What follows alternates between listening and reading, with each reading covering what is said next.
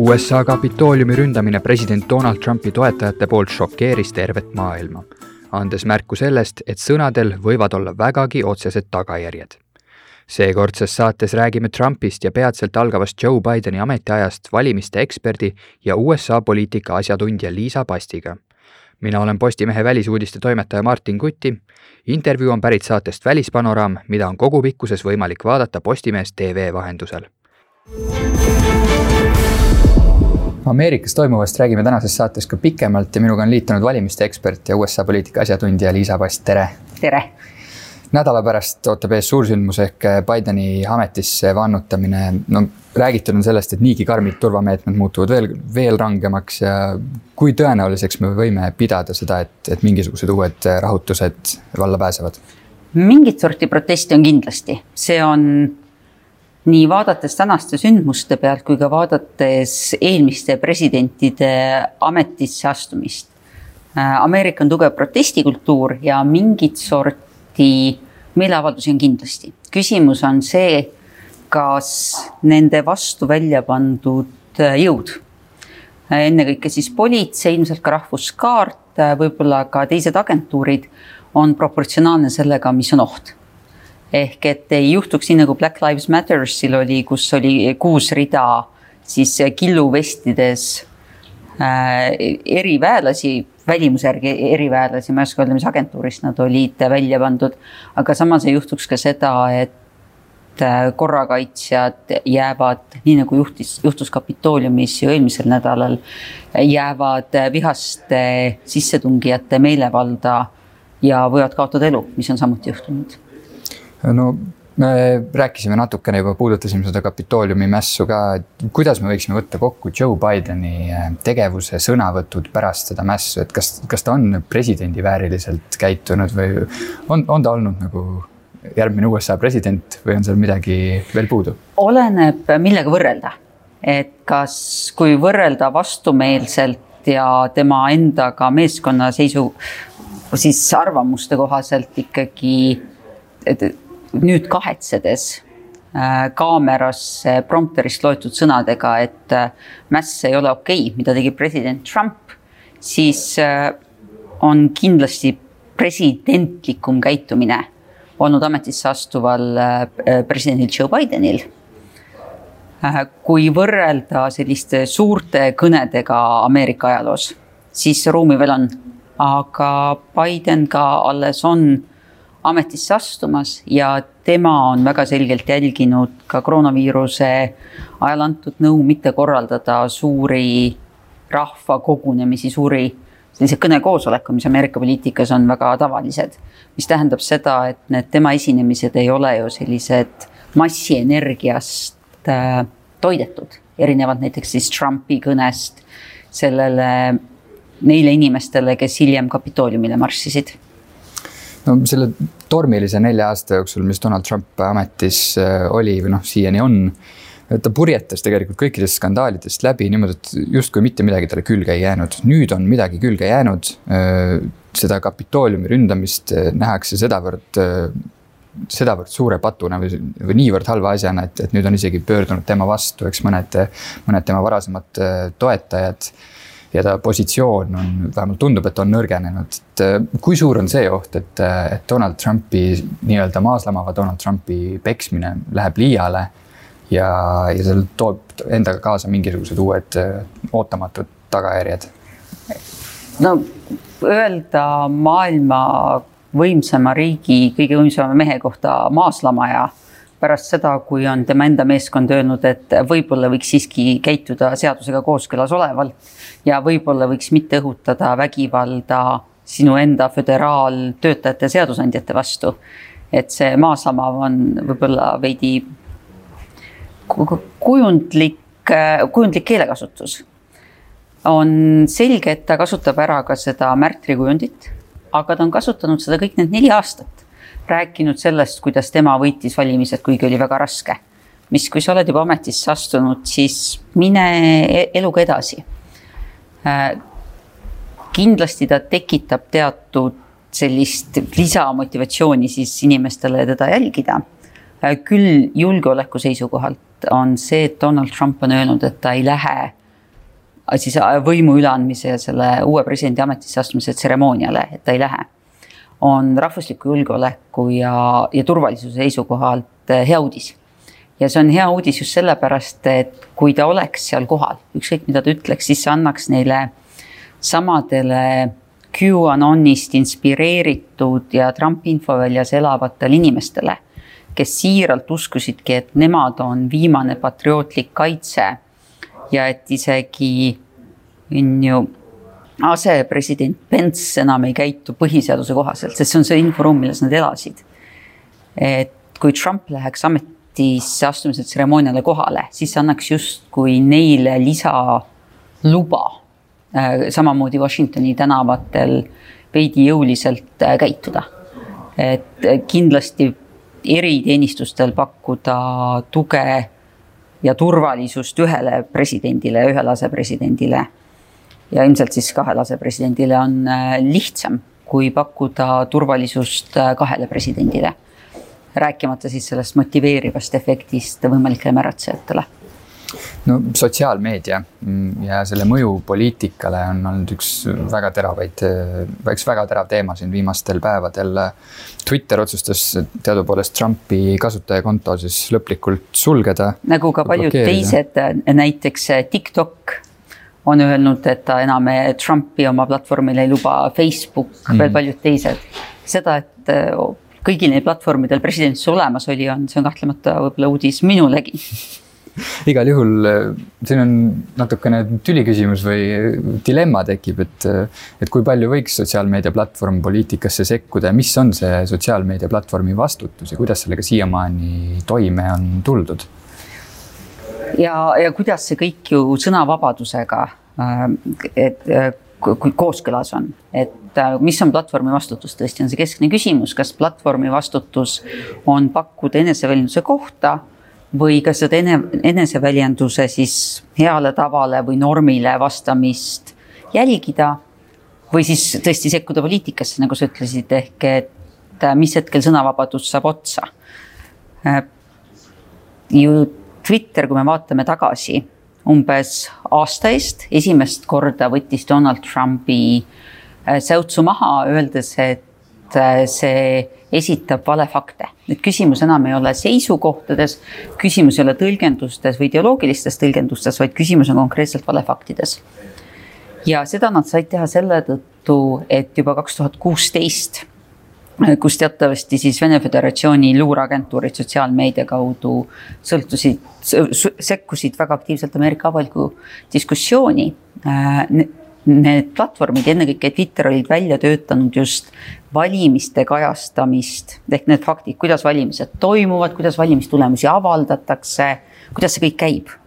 Äh, sellesse puutuva siis äh, sisu modereerimispoliitika ehk dokumendi, mille alusel vaadatakse, et kui ikkagi keegi läheb Twitterisse ja ütleb äh, valimisjaoskond suletakse täna hommikul kell kaheksa, aga tegelikult avatakse homme kell üheksa. et siis Twitteril on õigus öelda, see ei ole nii, sest see mhm. muidu see otseselt hakkab mõjutama inimeste võimalust poliitikas osaleda, kui neile esitatakse selliseid valefakte ja see on see, mille alusel Twitteril ka nende enda sisemiste siis reeglite järgi tekkis võimalus äh, sekkuda. ja ka täna ju suurem osa sellest, mida on kas maha võetud, just puudutab valimiste korraldust, valimiste tulemust, seda, mis, mis on protseduuriliselt selgelt paigas ja millega tulemuste avaldamise protseduurika ja kinnitamise protseduurika on kümneid kordi läbi mängitud, selgelt paigas, pika ajalooga protsess.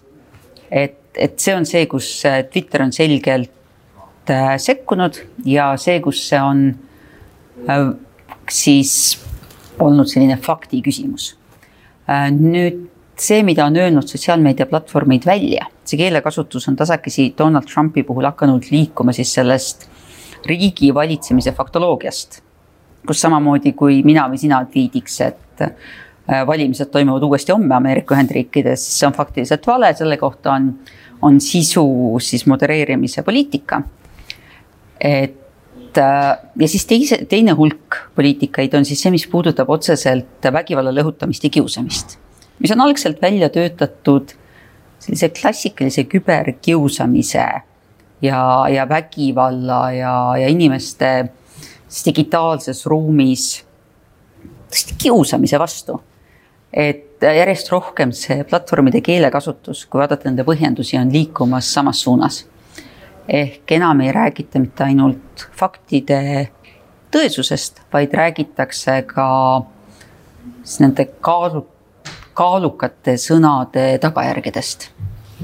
Lähme natuke küberteemaga ka edasi, kübermaailmaga, et äh, on Bideni äh, administratsiooni äh, üks esimesi ja suuri julgeolekualaseid väljakutseid on, on ilmselt vastamine sellele samale Venemaa korraldatud küberrünnakule Ameerika Ühendriikide valitsusasutuste ja siis ka eraettevõtete vastu millised on Bideni võimalused vastata, mis oleks proportsionaalne ja mõtleme ka natuke Eesti peale. Meie kui Ameerika Ühendriikide liitlased, kas meie peaksime kuidagi pakkuma ka abikätt, et me oleme tuntud ju kõva küberriigina? küberrünnakud on oma olemuselt, nii nagu see digitaalne ruum, milles me tegutseme, vabade riikide puhul, kus ei ole võrguliiklus takistatud, kus on, me oleme, mina ja sina näeme sama sisu, mida näevad ameeriklased näiteks New York Timesist on oma olemuselt muidugi piirideülesed. ehk et kui rääkida siis konkreetselt nüüd sellest Orioni tark, võrgutarkvarast, mida kasutati eelmise aasta lõpul selleks, et pikaajaliselt kuulata pealt, ilmselt ka varastada Ameerika riigiasutuste, aga suure tõenäosusega ka teiste infot. ja siis üldiselt noh, laadida, võimalik, et laadida kõik alla, sest midagi põnevat on seal kindlasti siis sellele, see on oma, omistatud tänaseks Vene Föderatsioonile Ameerika retoorikas. ja selgelt Ameerika teeb vähemalt seda, mida nad on siiani teinud, ehk siis kõikvõimalikud rahvusvahelises suhtluses ja diplomaatias tuntud äh, sammud äh,, saadikute väljakutsumised, uurimine, mille tulemusena nagu ka näiteks äh, vabariiklaste rahvuskomitee häkkimise aastal kaks tuhat kuusteist tulemusena ju esitati konkreetsed süüdistused Vene Föderatsiooni luureohvitseridele. kindlasti nii palju, kui on tugevalt näha, sinna, seda Ameerika Ühendriigid teevad. nüüd küsimus on see, et kas nad, kas see on piisav selleks, et ründaja tegutsemist muuta. eesmärk on ju takistada, ära hoida tulevikurünnakuid ja kas need klassikalised diplomaatilised vahendid ja ka sanktsioonid, nendest see osa, mis põhinevad nii-öelda nimetamisel ja häbistamisel, töötada ainult nende peal, kes on võimelised häbiks. Vene Föderatsioon, NATO liikmete, valitsusasutuste või, või kriitilise taristu ründamisel kahtlemata häbi ei ole siin see kohane hinnang nende, nende enda minapildile sellel käitumisel. ehk kas leitakse midagi, mis on täpsem ja mõjusam atribuut. reisikeelde on proovitud, aga kui sa oled Vene Föderatsiooni luureohvitser, siis reisikeeld lääneriikidesse on suhteliselt triviaalne sinu jaoks. Äh, küll aga tekitab see küsimuse tõesti, nagu sa ka viitasid, äh, NATO liikmete ühisest käitumisest. NATO tänane selgelt välja öeldud praktika ja poliitika on see, et kollektiivkaitse laieneb ka küberruumi. aga sellel peavad olema, sellel küberründel peavad olema konkreetsed mõjud. ehk nii nagu füüsilises maailmas artiklite neli ja viis rakendumiseks, kollektiivkaitse ja siis kas ühine vastus kollektiivkaitses või infovahetus. selleks peab olema ka küberründel sellise sõjalise või relvastatud ründega sarnane mõju seda mõju täna ilmselgelt kaalutakse ja on näha, kas Ameerika valib selle tee aga enne neid tõsiseid niiviisi nagu noh, nii-öelda löögiga vastuseid on tõesti küsimus ka ühise diplomaatilise käitumise, ühiste seisukohavõttude osas. ja praktika on näidanud, et järjest rohkem liitlased, muuhulgas ka kolmandate riikide vastu tehtud rünnates, Gruusia, mullu on hea näide, on ühiselt omistanud küberrundeid ehk öelnud ühiselt, me teame, et see ründaja või see tegutseja on selle taga ja siin on meie järgmised sammud. ja see omistamine on oluline selleks, et üldse rahvusvahelises õiguses sul tekiks alus vastutegevuseks, enda meetmeteks. ehk ilmselt, võttes selle väikse loengu rahvusvahelisest küberõigusest kokku, ilmselt kõik uurimistegevused Ameerika Ühendriigid teevad ise kõik, mida nad ise saavad vastata, kaasa arvatud diplomaatilised meetmed, sanktsioonid, reisikeelud, nad kehtestavad. Äh, suure tõenäosusega öeldakse välja Ameerika luureagentuuride siis täie kindlusega, keda nad usuvad olevat rünnaku taga. siiani poliitiliselt on välja öeldud, et tegemist on Vene Föderatsiooni luureagentuuridega. ja ma ei välistaks seda, et vähemalt ühise seisukoha osas tehakse seda kas koos liitlastega või koos valitud liitlastega. Et öelda välja, et me teame, et see oli Vene Föderatsioon ja see ei ole meie jaoks aktsepteeritav käitumine.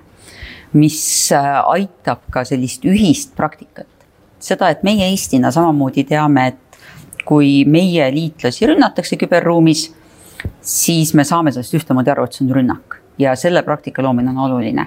et ma usun, et minnakse ka selle omistamiseni, aga see võib võtta veidi aega.